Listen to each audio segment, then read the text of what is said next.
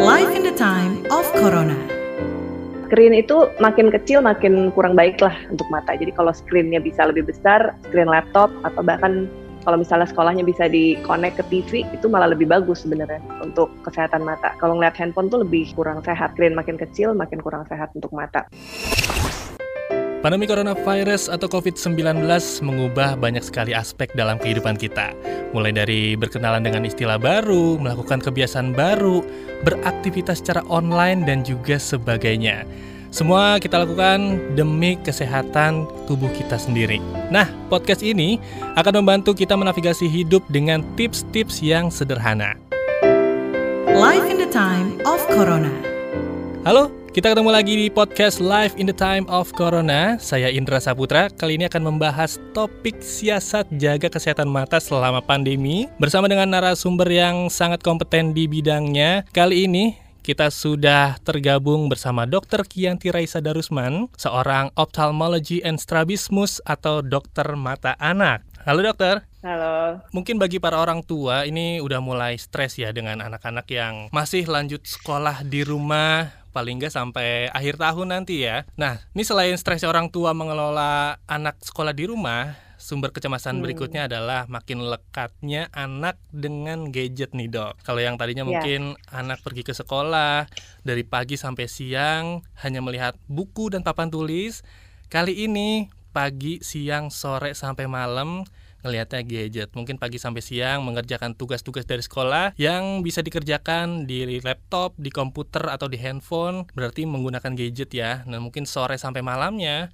untuk mengobati kebosanan anak-anak, mereka main gadget. Nah, hmm, ini betul, yang mungkin betul. mesti diwaspadai adalah kesehatan mata anak. Screen time melonjak, betul. tapi kan ya sekolah juga online. Nah, ini harus gimana yeah. nih, Dok? Jadi, untuk hmm. membatasi screen time pada anak, gimana caranya dan apa saja kesehatan mata yang harus menjadi sumber kewaspadaan bagi orang tua nih dok. Gimana cara menjaga kesehatan anak di masa pandemi seperti ini? Ya ini saya karena saya juga seorang orang tua ya, saya juga mempunyai kekhawatiran yang sama ya, karena mm -hmm. kan segala sesuatu sekarang dilakukan secara online, yang termasuk sekolah, kegiatan belajar sesuai dengan bidang saya juga jadi saya concern sekali dengan kesehatan mata anak gitu, karena screen time yang tinggi itu sudah uh, terbukti meningkatkan angka kejadian mata minus. Tapi ya untuk dalam keadaan pandemi seperti ini ya kita nggak punya pilihan kan karena akan lebih aman untuk stay at home dan memang sekolah kalau dibuka pun juga memang belum aman gitu untuk anak-anak gitu. Oke, tapi benar nggak sih dok uh, kasus mata ya? minus ini jadi booming di tengah pandemi COVID-19 ini? Sebenarnya gimana sih pengaruh gadget sama mata kita sampai bisa bikin mata kita tuh bermasalah, terutama pada anak nih? Kalau pada anak, kemampuan mereka untuk akomodasi ya itu masih sangat baik, masih sangat tinggi. Artinya mereka itu sebetulnya tahan gitu berjam-jam gitu di depan layar yang dekat karena mereka kemampuan ototnya itu lebih baik dibandingkan orang dewasa, nggak cepet capek nih. Jadi mereka juga nggak bakal ngomong nih kalau matanya ada masalah, matanya uh, mulai lelah atau ada uh, mungkin penglihatannya buram tuh mereka jarang sekali tahu dan mereka jarang mungkin takut dan lain-lain mereka nggak ngomong ke orang tuanya. Dan kalau kasus mata minus sendiri sebelum adanya pandemi COVID-19 itu sebetulnya sudah WHO sendiri tahun 2015 sudah pernah mengeluarkan joint statement ya kalau miopia atau mata minus di dunia itu sudah mencapai 27 persen dari populasi. Itu sekitar 1,9 miliar orang di dunia itu mempunyai berbagai derajat kelainan kacamata minus. Dan ini diprediksi tahun 2050 itu bisa meningkat sampai 50 persen lebih. Jadi sekitar 5 miliar populasi lah dari estimasi mereka. Tapi ini kan sebelum pandemi COVID-19 ya gitu loh estimasi ini. Jadi kalau kita tadi ditanya apakah saat ini ada booming atau tidak ya terus terang kita juga memang masih mengawasi hmm. begitu masih mengobservasi nih gimana nih efek COVID-19 dan stay at home um, online learning yang lebih meningkat dan lain-lain pengaruhnya terhadap kasus-kasus mata minus di seluruh dunia gitu termasuk di Indonesia. Dan yang paling banyak mata minus itu memang di regional Asia, terutama Asia Asia Timur sih sebetulnya ya, Jepang, eh, Cina, termasuk Singapura.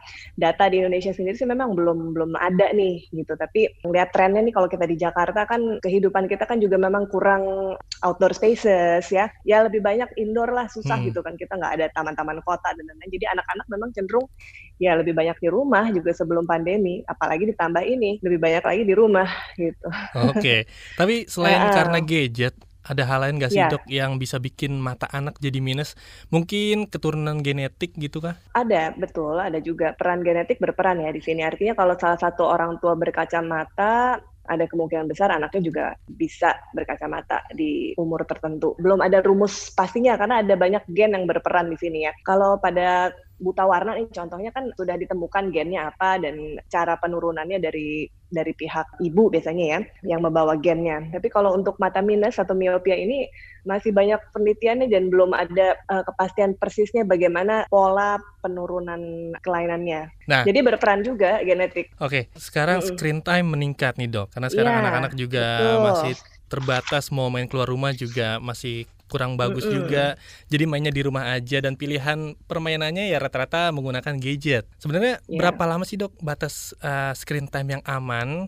Mungkin dokter bisa berbagi tips untuk mengatur screen time anak nih, terutama di masa pandemi ini. Saya bagi dua dulu ya. Mm. Jadi kalau sebelum COVID, ini ada uh, rekomendasi WHO dan American Academy of Pediatrics, Asosiasi Dokter Anak di Amerika, itu menyarankan kalau di bawah 18 bulan itu sama sekali nggak boleh sebetulnya ada screen Hmm. time, kecuali mungkin uh, video chat sama keluarga lah, sama neneknya atau kakeknya gitu boleh. Terus 18 sampai 24 bulan itu biasanya kurang dari satu jam. 3 sampai 5 tahun sekitar satu jam per hari, 6 sampai 10 tahun itu 1 sampai satu setengah jam per hari, dan 11 sampai 13 tahun itu di atas 2 jam masih oke. Tapi setelah COVID ada beberapa guidelines baru nih. Jadi karena memang semua sekolah online, jadi kalau bisa memang di bawah tiga tahun sebaiknya nggak terlalu perlu sih sebenarnya sekolah online itu. kalau di bawah tiga tahun ya. Iya. Kemudian umur 4 sampai 6 tahun masih oke nih sekitar satu setengah jam. Umur 7 sampai 12 tahun 3 sampai 4 jam dan di atas itu boleh sampai 6 sampai 9 jam tapi ya dengan istirahat-istirahat yang sering ya. Jadi Hmm. nggak full 6 jam gitu di depan layar, harus ada sering istirahat juga. Berarti uh, peran Iya, orang tua istirahat. juga sangat dibutuhkan ya untuk membatasi itu ya dok ya. Iya. Mungkin ya udah saatnya memperkenalkan lagi mana- mainan-mainan tradisional kita nih. Oke, anyway, Gimana? dok kemarin Ya, eh, ya. saya lihat Instagramnya dokter nih. Dokter ini Mm-mm. memperkenalkan alat screening mata, ini namanya smiley face. Itu sebenarnya alat apa sih Hmm. dok? Fungsinya apa dan gimana cara menggunakannya? Apakah alat eh, smiley face ini bisa jadi jalan keluar untuk memeriksakan mata anak, baik selama pandemi ataupun setelah pandemi nanti? Ya, sebenarnya alat ini nggak alat baru ya. Ini alat alat khusus untuk screening mata anak ya. Sudah dari awal tahun 2000 udah dipakai nih sebenarnya. Hmm. Cuma aplikasinya biasanya indoor ya. Kemudian jaraknya itu kebetulan memang jarak jarak periksanya ke anak itu sekitar satu meter. Jadi dia tuh untuk mengestimasi kalau anaknya tuh ada minus atau silinder atau plus gitu loh. Jadi Hmm. dia alat untuk screening itu. Kemudian kalau memang dari alat itu dideteksi ada minus atau plus atau silinder gitu ya, ya anaknya harus diperiksa lebih lanjut gitu. Jadi murni screening. Nah, aplikasinya karena dia saat ini kan kita harus physical distancing, ya jarak satu meter itu kan sangat eh, membantu ya untuk screening mata anak. Kalau misalnya anak nggak mengeluh apa-apa tapi orang tua concern, ya bisa diperiksa dengan cara itu sih sebetulnya itu salah satu breakthrough yang saya inisiasi saya lah. Kalau pemakaian alatnya sih, sih cukup cukup lama. Berapa lama tuh dok? Kalau untuk deteksinya sendiri 5-10 menit udah ketahuan Oh sih. sebentar ya. Bentar. Mhm. Makanya kemudian saya inisiasi dengan pemeriksaan drive-thru karena dokter-dokter anak juga sekarang kan banyak tuh yang karena kan angka vaksinasi penyakit lain nih, penyakit anak kan juga turun kan orang Mhm. takut nih ke dokter. Jadi ada beberapa yang beralih ke vaksinasinya drive-thru jadi tetap anaknya di mobil, dokternya nyuntik dari pintu aja Mhm. gitu loh.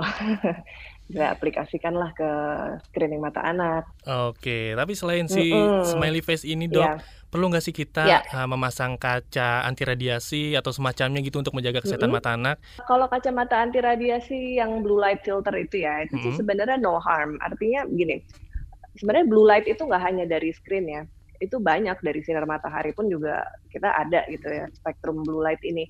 Dan blue light dari komputer sendiri sebenarnya nggak merusak mata, tapi memang ya nggak ada salahnya kalau memang mau dipakai, tapi bukan berarti dia menahan terjadinya minus atau menjaga mata dari kelainan yang lain gitu. Boleh-boleh aja sih. Aman-aman aja ya. Aman-aman aja tapi Hmm. bukan pengganti kalau dijanjiin oh ini eh, minusnya nggak bakal nambah. Mhm. Nggak mungkin juga sih, Oke. belum ada studinya. Selain menjaga screen screen time pada anak, ini perlu nggak sih Iya. dok untuk menjaga asupan gizi, untuk menjaga kesehatan mata? Mungkin ada makanan atau minuman yang bisa dikonsumsi yang mungkin sangat re- direkomendasikan untuk anak-anak menjaga kesehatan matanya. Sebetulnya kan yang paling terkenal kan wortel ya. Tapi selain wortel, eh, sayur-sayuran lainnya yang mengandung beta karoten tinggi yang warnanya kuning itu juga Hmm.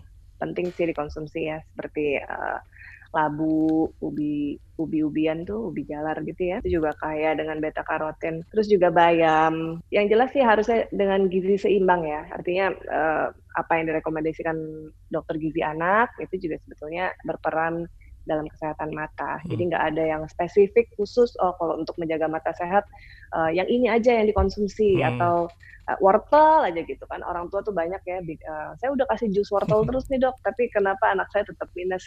Nah, karena memang bukan itu obatnya gitu. Sebenarnya ada Gimana? ini nggak sih dok terapi yang bisa dilakukan di rumah? Beberapa waktu lalu saya ngelihat di YouTube ya, katanya untuk Hmm. memijat di bagian mata ini bisa untuk merelaksasikan otot-otot mata. Mungkin ada yang bisa dilakukan untuk anak-anak khusus. Sebetulnya sih dialihkan ya. Jadi Hmm. kalau misalnya mereka sudah sekian lama di layar ya, Hmm. ya coba dilibati dengan kegiatan lain di rumah. Ya mungkin bantu di rumah, berkebun, ngurus tanaman kayak gitu atau mungkin eh, ya kegiatan rumah yang biasa-biasa yang normal-normal aja Hmm. sih di rumah. Kalau saya menurut saya sih itu karena dengan begitu kan matanya jadi istirahat nih. Yes. Matanya jadi nggak fokus terus-menerus. Tapi sebenarnya bisa sembuh nggak sih Ya. dok mata minus itu? Kalau sembuh, eh, artinya dalam arti sama sekali minusnya hilang, bisa dengan tindakan-tindakan seperti operasi lasik gitu ya, Mhm. bisa. Ya, jadi kalau tidak mau pakai kacamata lagi, itu bisa dengan lasik gitu. Tapi operasi refraksi itu ya, tapi itu eh, usia 18 tahun ke atas nggak bisa pada anak-anak. Tapi sebetulnya bukan sembuh ya, artinya gini, mata minus itu kan terjadi karena pertumbuhan bola mata itu melebihi dari normal ya, jadi Mhm. lebih panjang gitu loh sumbu bola matanya. Selama anak usia pertumbuhan kan otomatis semua bertambah tinggi kan, Mhm. tambah tinggi, ukuran sepatu bertambah besar, Hmm. sama juga sama ukuran kacamata. Jadi kalau ukuran kacamata mereka dimulai dari usia kecil, umur 5-6 tahun gitu ya, akan terus bertambah sampai usia 17-18 tahun. Oke. Gitu. Kalau Ah. senam mata pengaruh nggak tuh dok? Senam mata, oke-oke aja sih, sah-sah aja dilakukan. Pijit daerah mata, Iya. kemudian pastikan em, mata itu kadang kalau kita fokus di screen lama tuh kadang kita lupa kedip nih, itu udah Oke. refleks kedipnya. Jadi Hmm. kadang-kadang matanya jadi kering. Nah kalau udah kering tuh jadi lebih cepat capek, Mm-mm. lebih pe- cepat capek. Kadang-kadang bisa pegel terus bisa sakit kepala juga sih biasanya. Nah untuk anak-anak nih waktu istirahat matanya paling nggak berapa menit sekali dok? Tergantung umur tadi. Normalnya sih memang setiap 20 menit kita ngelihat screen, Mhm. kita harus melihat 20 meter selama 20 detik. Itu itu rumusnya kayak gitu kira-kira. Oke oke oke mungkin bisa Mm-mm. dicoba nanti eh, Tiap untuk 20 menit. para Mm-mm. pendengar yang sedang mendengarkan podcast ini ya dok ya. Mm-mm. Mm-mm. Eh, terakhir deh dok, tiga Ya. tips dari dokter Kianti nih supaya mata tetap sehat selama pandemi. Tips dari saya ya untuk pandemi COVID ini, untuk kesehatan mata anak, ya sebisa mungkin walaupun memang sekolah online dan lain-lain, cobalah kita tetap batasi screen time ya, sebisa kita.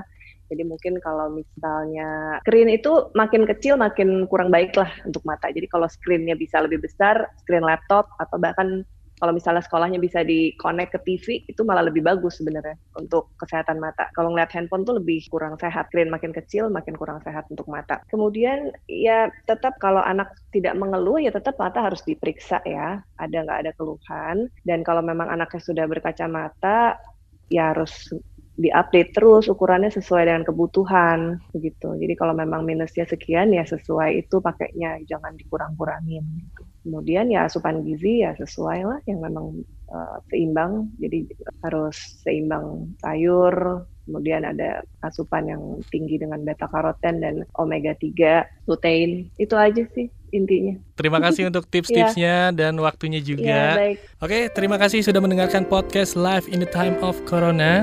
Untuk ide dan masukan, silakan email ke podcast at kbrprime.id. Tulis di bagian subjek, podcast Corona. Jangan lupa untuk ikuti podcast yang cocok untuk curious mind Anda di kbrprime.id atau di platform mendengarkan podcast lainnya. Follow kami juga di Instagram di @kbrprime.id. Sampai jumpa di episode selanjutnya. Saya Indra Saputra, pamit undur diri. Life in the time of Corona.